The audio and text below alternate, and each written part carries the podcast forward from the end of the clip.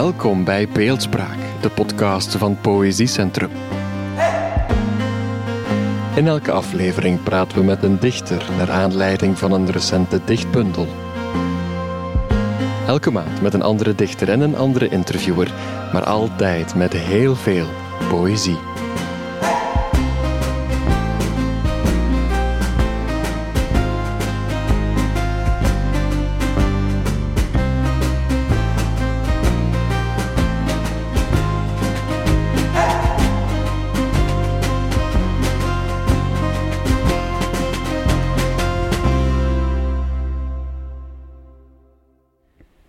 In deze aflevering van Beeldspraak praat Joris van Hullen met Mark Tritsmans over diens nieuwe bundel. Alles is hier nog. Oké. Uh, de opname kadert in uh, de reeks Beeldspraak. Nu, de vraag die ik hier rond zou willen stellen, Mark, is... Is het zo dat jouw beeldtaal, want ik zou liever dit woord gebruiken in plaats van beeldspraak, dat jouw beeldtaal in de eerste plaats gericht is op het visuele? Uh, dat is heel grappig dat je die vraag zo stelt, want ik was er thuis ook al een beetje over aan het nadenken, beeldspraak. En ik ben zo niet een dichter die per definitie met beeldspraak bezig is voordat hij een gedicht begint te schrijven. En ik bedacht me eigenlijk compleet hetzelfde. Uh, ik gebruik heel veel beelden, omdat ik bij uitstek denk ik een, een, visueel dichter ben. Mijn voornaamste zintuig dat ik gebruik als ik gedichten schrijf is overduidelijk mijn ogen. Dat zijn mijn ogen die ik altijd wijd open probeer te houden om dingen te zien die ik, die ik eerder nog nooit gezien heb en die ik wel eens op een andere manier wil proberen te verwoorden. Uh, maar uiteraard komt beeldspraak in de literaire betekenis van het woord uh, ook in mijn gedichten terecht. Maar ik zal er nooit naar op zoek gaan.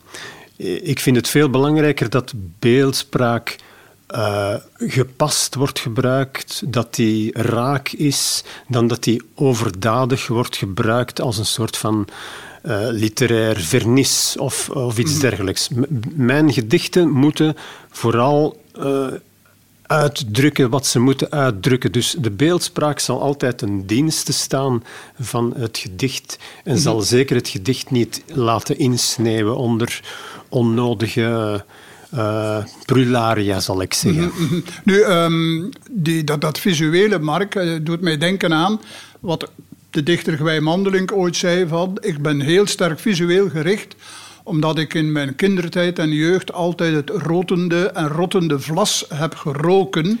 Vandaar dat ik de heur uitgeschakeld heb. Ligt voor jou ook een zekere verklaring in een uh, verleden van jou? Ja, nee, nee ik, ben, ik ben niet in de streek van het, uh, van het vlas uh, opgegroeid, maar ook andere geuren heb ik niet om bepaalde redenen uitges uitgesloten. Ik denk gewoon dat ik veel minder gericht ben op mijn andere zintuigen. Um, ik moet dat een beetje nuanceren natuurlijk, hè, want het gehoor is ook wel redelijk belangrijk, omdat ik vaak ook wel gedichten schrijf over muziek, over muziek ja. uh, die daardoor geïnspireerd zijn. Uh, maar de geur is inderdaad een van de zintuigen die, als ik mij goed herinner, weinig in mijn gedichten voorkomt. Ja, ja, ja. ja, ja. Nu, uh, je bent gedebuteerd, Mark, in 1992. En ja. als ik het juist voor heb, is Alles is hier nog uh, je veertiende bundel. Ik hoop dat ik juist ik, ik, denk eigenlijk de, de dertiende echte bundel. Want er is nog een bundel als uh, landschapdichter die er mm. ooit is tussengekomen. Maar dat, dat kan ik echt geen echte bundel noemen, omdat dat bestaande gedichten ja. waren die al eerder in andere bundels zijn verschenen. Dus ik moet zeggen, de, de, het is eigenlijk de dertiende. Dertiende compacte ja, de, bundel. Ja, dus de, uh, ja. Nu, uh, Luc Gruwe die schrijft in zijn uh, dit jaar ook verschenen autobiografie Het Land van de Handen, schrijft hij op een bepaald moment over ene Mark Tritsmans. En hij schrijft het volgende, prettige kerel. Hm. En enorm natuurliefhebber, die Mark Tritsmans onderschat dichter ook, behalve door Komrij en uh, nog een paar uh, diehards als Benno, Mirjam en ikzelf. Benno Barnard, Mirjam van Een natuurlijk. Nu, hij geeft het daarover dat onderschat zijn. Nu, heb je zelf een beetje het gevoel dat jij zo wat de koploper bent in het peloton van de onderschatte dichters hier in het Nederlandse taalgebied? Dat is misschien een beetje een gevaarlijke omschrijving die je daar gebruikt. Maar ik heb in bepaalde kringen wel het gevoel dat mijn poëzie uh, niet echt voor vol wordt aanzien. En dan moet ik hier toch even refereren naar het uh, Vlaams Fonds voor de Letteren, nu Literatuur Vlaanderen, waar ik toch systematisch uh, zeer vervelende commentaren en omschrijvingen en definities krijg van mijn poëzie. En ik vind dat een beetje vreemd. Ik ik heb, uh, ik heb het hen zelf ook al een paar keer gaan uitleggen wat ik daar zo vreemd aan vind. Omdat het maar een handjevol mensen zijn die over eigenlijk mijn inkomsten als mhm. auteur uh, beslissen. En die absoluut geen rekening houden met de ruimere receptie van mijn gedichten door recensenten, uh, door uitgevers, door vertalers die mhm. spontaan een bundel van mij gaan vertalen. Uh, onder meer in het Afrikaans. Onder meer onlangs in het Afrikaans. Ja. ik, ik vind dus eigenlijk dat een commissie die daarover uh, een oordeel moet vellen, dat die een beetje bescheidener zou moeten zijn, een beetje meer rekening zou moeten houden met andere stemmen in het veld. Dat is eigenlijk, in die zin voel ik mij uh, niet onderschat misschien, ook niet miskend, maar net op dat ene punt waar het dan even over financiën gaat, en, en ja, een dichter heeft dat ook nodig, mhm. dan vind ik dat het oordeel soms eh, weinig objectief is. Zou het kunnen dat die, laten we nu met een heel groot woord zeggen, miskenning, hm, uh, wat er ook bij hoort en wat er ook onder uh, kan verstaan worden, dat die ook te maken heeft, Mark, met het feit dat je nooit bewust aansluiting hebt gezocht bij uh, modus, bij trends die zich voordeden, uh, uh, postmodernisme en zo verder, dat liet je gewoon weg links liggen. En als ik nu de sprong maak naar nu, ik zie niet onmiddellijk in jou een rapdichter die op de scène gaat staan en het publiek gaat entertainen. Poëzie is meer voor jou. Ja, dat klopt helemaal. Nee, ik heb mij echt nooit willen of kunnen aansluiten bij bepaalde trends of bepaalde modes. Um, ja, ik, ik vind als dichter moet je gewoon schrijven wat je moet schrijven. Zo simpel is het. Mhm. En je moet dat ook schrijven zoals jij het, het wil en kan schrijven. Met je eigen stem. Je moet je niet laten beïnvloeden door wat uh, trendy is of wat mhm. gesmaakt wordt door mm critici. Daar gaat het absoluut niet om. Ik heb, denk ik, een eigen verhaal te vertellen en ik wil dat blijven doen op mijn eigen manier. En ik wil dan ook dat mijn poëzie op zijn eigen waarde, op haar eigen waarde wordt geschat. Zonder dat die wordt gekaderd in allerlei dingen, ik bedoel in allerlei omschrijvingen waaraan poëzie op dit ogenblik zou moeten beantwoorden. Mhm. Dat vind ik altijd een heel foute insteek. Ook van recensenten. Dat die eigenlijk soms een bundel lezen en daarin zoeken wat zij willen vinden. Nee, je moet een bundel lezen om te zoeken wat de dichter heeft geschreven en wat hij heeft proberen mhm. over te brengen. Mhm. Dat is je taak, als je, als je al een taak hebt als recensent, volgens mij. Ja, zou het dan een soort van, uh, ik ga nu niet zeggen miskenning zijn weer, dat ik jouw poëzie dan zou omschrijven als echt traditionele poëzie? Geworteld in tradities die wij kennen, die wij mhm. hebben en die je eigenlijk altijd trouw bent gebleven. Ik heb eigenlijk nooit de aanvechting gevoeld om mij tegen dat soort van tradities uh, te, te verweren. Ik, ik bedoel, als je iets wil vertellen. Ik, ik heb altijd uh, nagestreefd uh, om de helderheid in, in taal hoog te houden. Ik, ik hou helemaal niet van uh, poëzie uh, met rebussen en met raadsels en met uh, losse eindjes. Dat is mijn ding niet. En poëzie waarbij je moet googlen om een aantal begrippen ja. te plaatsen en zo verder. Ja, als er nog een paar moeilijke woorden zijn, vind ik het nog niet erg. Maar als men mij bewust op een dwaalspoor wil brengen, zodat ik na het lezen van een gedicht met open mond op mijn stoel zit, dat kan voor mij niet de bedoeling zijn van mhm. literatuur in het algemeen. Literatuur moet nog altijd iets overbrengen. ik, ik, uh, ik, scherm soms met de, de, definitie van taal, zoals die in de Vandalen heel mooi wordt omschreven. ik, ik, maak ze altijd een beetje korter, maar ze zijn een geheel van uh, regels waarvan de mens zich bedient om zijn gedachten te articuleren, de wereld te ordenen en te communiceren. En dat zijn nu net die dingen die ik in mijn poëzie ook nog altijd tracht te doen. Ik probeer geen mist te spuiten, ik probeer geen, geen raadsels te creëren. Ik probeer eerder een zo groot mogelijke helderheid aan mijn mogelijke lezers mhm. over te brengen. Ja, ja. Vandaar ook, eh, je zegt het hier, communiceren. Vandaar ook, en dat is iets wat mij zeker nu opviel in eh, de recente bundel, Alles is hier nog, dat je eigenlijk ook het verhalende karakter heel dikwijls van je gedichten gaat vooropstellen. Eigenlijk sluit je aan, denk ik, op een bepaalde manier bij orale verteltechnieken. Ja. die je gaat gebruiken om zo op een directe manier, laten we zeggen, contact te leggen met de lezer. Heb ik het juist voor op die manier? Ja, heb het heel juist voor. Uh, de titel van deze bundel was oorspronkelijk Kleine Verhalen.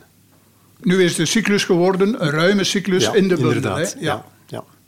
Maar ik zoek altijd een titel die meer dan één cyclus, die gewoon heel de bundel een beetje probeert te vatten. En dan is alles is hier nog voor deze bundel was dat voor mij de titel die daar beter op paste. Ja, ja, ja. ja. Nu, um, misschien om dat te illustreren, Mark, kan je misschien een gedicht uh, al eens voorlezen dat toch wel dat verhalende karakter gaat uh, illustreren. Uh, ik denk aan, voor mij een van de mooiste gedichten uit de bundel, Een grote dag waarin je eigenlijk gaat beschrijven via een soort omweg van zwarte raven die dreigend overkomen, maar daar komt daar die, zonder dat die letterlijk genoemd wordt, die schitterende ijsvogel, die je maar één, een paar keren kunt zien, kunt opmerken. Hè? Ja. Een grote dag. Eind februari was het en behalve het licht was niets echt veelbelovend. Tot een blauwe reiger vlakbij opvloog vanuit de ritselende rietkraag, met in zijn kielzog als een witte schaduw zijn broer, de grote zilverreiger. Met winterse zwaarte en lichte tegenzin zwenkte ze over een paar boomtoppen de donkere bosrand tegemoet, waarboven drie buizerds, rustgevend naar elkaar schreeuwend, in de leegte cirkelden. Op hetzelfde ogenblik klonk klaaglijk een zwarte specht, die zich gewillig toonde tegen de stam van een den. Maar wist ik veel dat het hier nog maar ging om de voorbereiding van wat uiteindelijk een grote dag zou worden. Zo één waarop hij heeft beslist om zich nog eens aan ons gewone stervelingen te vertonen. Want daar zit hij dan, als een verschijning, lichtgevend op een tak vlak boven het water. En even verdwijnt de rest van de wereld. Lijkt alles dan toch de moeite waard? Moeten we wel doorgaan? Mogen we erbij horen, zolang Hij ons tenminste zijn zegen geeft.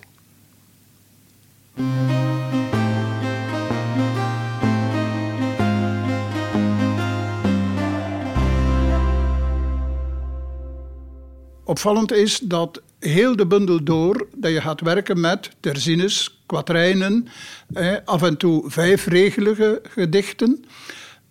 Die klassieke vorm is dat ook is dat het DNA van je poëzie? Laat mij het zo stellen. Ehm, op dit ogenblik moet ik concluderen van wel, denk ik. Want het is toch een vorm waar ik altijd opnieuw uh, op terechtkom.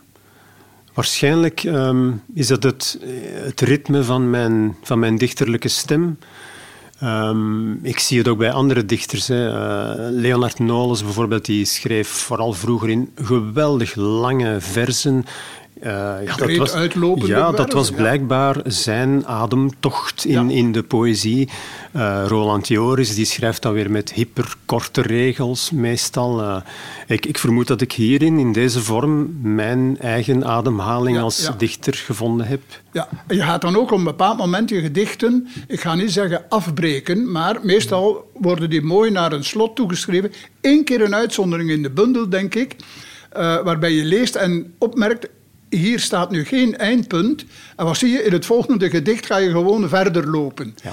Is dat dan een toevalligheid of eerder, laten we zeggen, een soort van spielerij? Ik denk de beide. Een toevalligheid zal het niet geweest zijn. En uh, een spielerij, ja, je kan het misschien zo noemen, ja.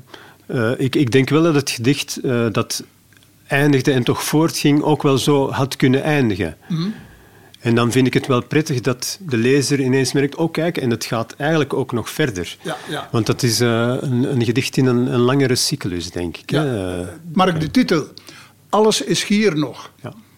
Ik kan die op twee manieren lezen. Alles is hier nog, maar je kunt ook lezen, alles is hier nog. Ja. En klopt het dat je op die manier eigenlijk de dubbele gelaagdheid in je bundel naar voren brengt? Het is een bundel die gaat over de ruimte, de mens, de dichter, het ik. En de lezer, die zijn plaats zoekt in de wereld, de ruimte. Maar ook zijn houding bepaalt, als je de nadruk legt op het nog. Zijn houding gaat bepalen tegenover de tijd. Ja, ik denk dat het een heel mooie analyse is. Ja, daarom vond ik ook dat deze titel uh, perfect uh, bij de inhoud van de bundel uh, aansloot. En het is natuurlijk heel duidelijk als ik zoiets zeg, alles is hier nog, uh, dat is wishful thinking uiteraard. Hè. Als, vooral als je het kijkt, bekijkt in het, in het aspect van de tijd. Iedereen weet dat alles hier uh, helemaal niet blijft, alles verdwijnt.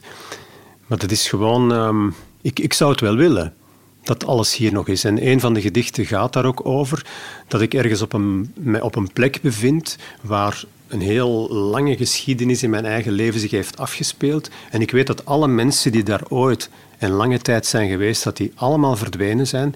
Uh, Schrödingers kat oh, is dat gedicht. Hè? Ik schrijf daar, alles is hier nog, samen, maar ik kan het niet laten om binnen te gaan. En natuurlijk, als je binnen gaat, zie je dat alles verdwenen is. Maar zolang je buiten blijft staan, kan je je voorstellen dat het er nog is. Ja, ja. Dat gevoel. Trouwens, dat gedicht Schrödingers uh, kat, dat is een van de gedichten waarin je eigenlijk een, met het eropvolgende gedicht ook over de kwantumfysica, dat je even teruggrijpt naar de wetenschap. Hè? Ja. Maar dat is eigenlijk zeer bewust beperkt gehouden. Mm Ja, ik, ik, uh, ik, ik wil het echt niet altijd op de wetenschappelijke uh, toer gooien, maar, maar um, ik vind wel, eh, wetenschap blijft mij natuurlijk verwonderen en verbazen. En ik vind dat die ook heel veel uh, poëtische aspecten in zich draagt. Mhm. Ik heb dat bijvoorbeeld uh, met die verstrengelde kwantumdeeltjes gedaan. ik heb dat vergeleken met mensen die op afstand van elkaar zo snel reageren als verstrengelde kwantumdeeltjes dat doen namelijk sneller dan de lichtsnelheid, blijkbaar. Ik blijf daar altijd wel uh, zeer door geboeid, dus ik vrees dat in al mijn gedichten die wetenschappelijke aspecten altijd wel gaan blijven terugkeren. Ja, ja.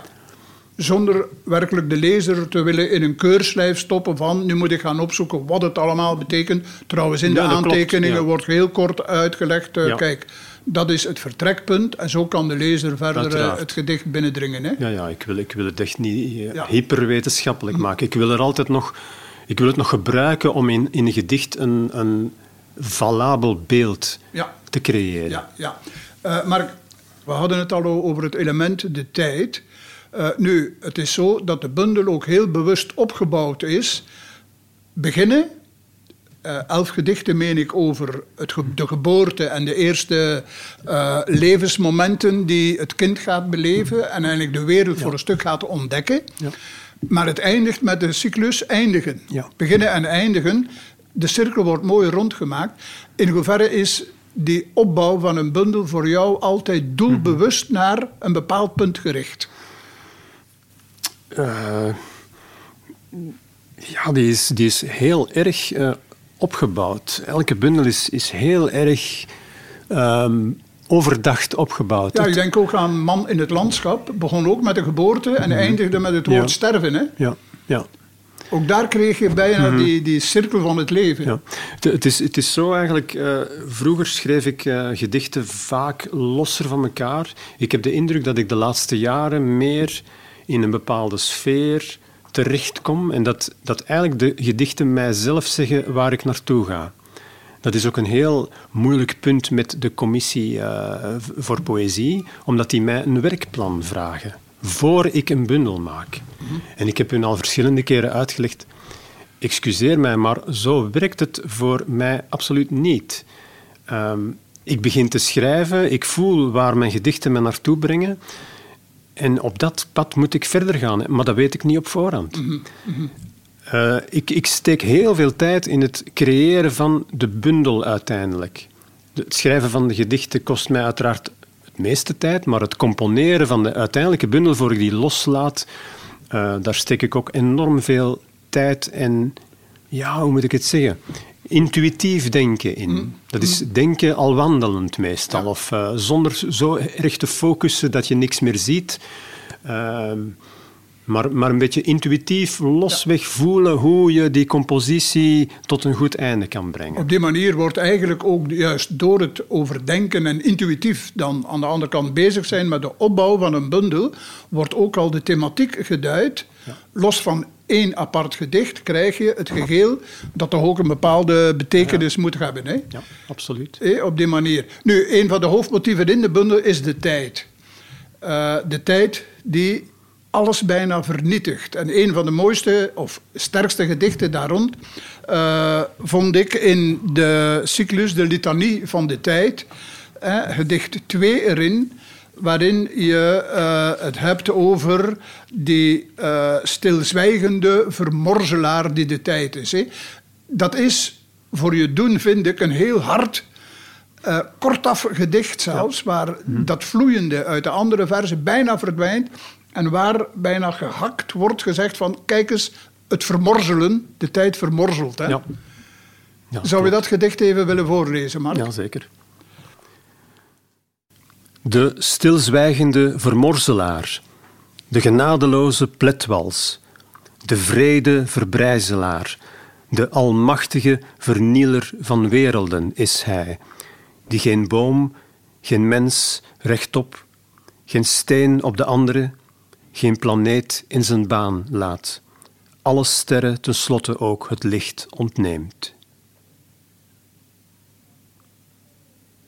Dat is relatief hard, hè? Zoals de tijd. De tijd Zo hard. Ja, ja, ja, ja, ja. Het verzet tegen die idee van de tijd die alles vermorzelt, hè, waardoor eh, ja, alles verbrijzelt werkelijk. Het verzet kan, denk ik, in de poëzie, maar je hebt er al eventjes op gewezen, ook in de muziek. Eh, En over de verschillende bundels heen zie ik bij jou je aandacht voor Bach, voor Beethoven, Brahms, nu ook, eh, denk ik, in eh, de nieuwe bundel. Is muziek een soort van troost voor jou? Maar aan de andere kant valt mij dan op dat het gedicht dat je nu schrijft, de Goldberg-variaties rond het werk van Bach, eh, dat je dit plaatst onder een titel als Wat ik zou kunnen willen. hè, Of wat ik had willen kunnen. Dat, Ja. dat is het. Hè? Ja. Ja, eh, dat is misschien een van mijn eh, grote frustraties in mijn leven. Ik heb nooit muziekschool gevolgd en op, op mijn leeftijd zou ik toch nog graag wat piano kunnen spelen. Dat lukt mij eigenlijk niet, maar ik blijf toch verder doen. Dus wat ik wel zou willen kunnen is de Goldberg-variaties volledig spelen met alle variaties. De Goldberg-variaties. Het krukje nauwkeurig op de juiste hoogte afstellen. Kijken of mijn handen, mijn vingers precies goed op het klavier. De voeten makkelijk bij de pedalen. De partituur goed leesbaar, nog even de gewrichten kraken. Beginnen met een sol, zowel voor de linker als de rechterhand. En dan langzaam, noot na noot, meegaan op het ritme van zijn innerlijke stem en weten dat je nooit iemand dichter op de huid, dieper in het hart kan dringen. Zelfs 300 jaar van hem vandaan. En spijt als je een paar uur later en 30 variaties verder als een ander mens de uitgang naar de echte wereld opnieuw bereikt. De echte wereld tegenover de wereld van de muziek dus.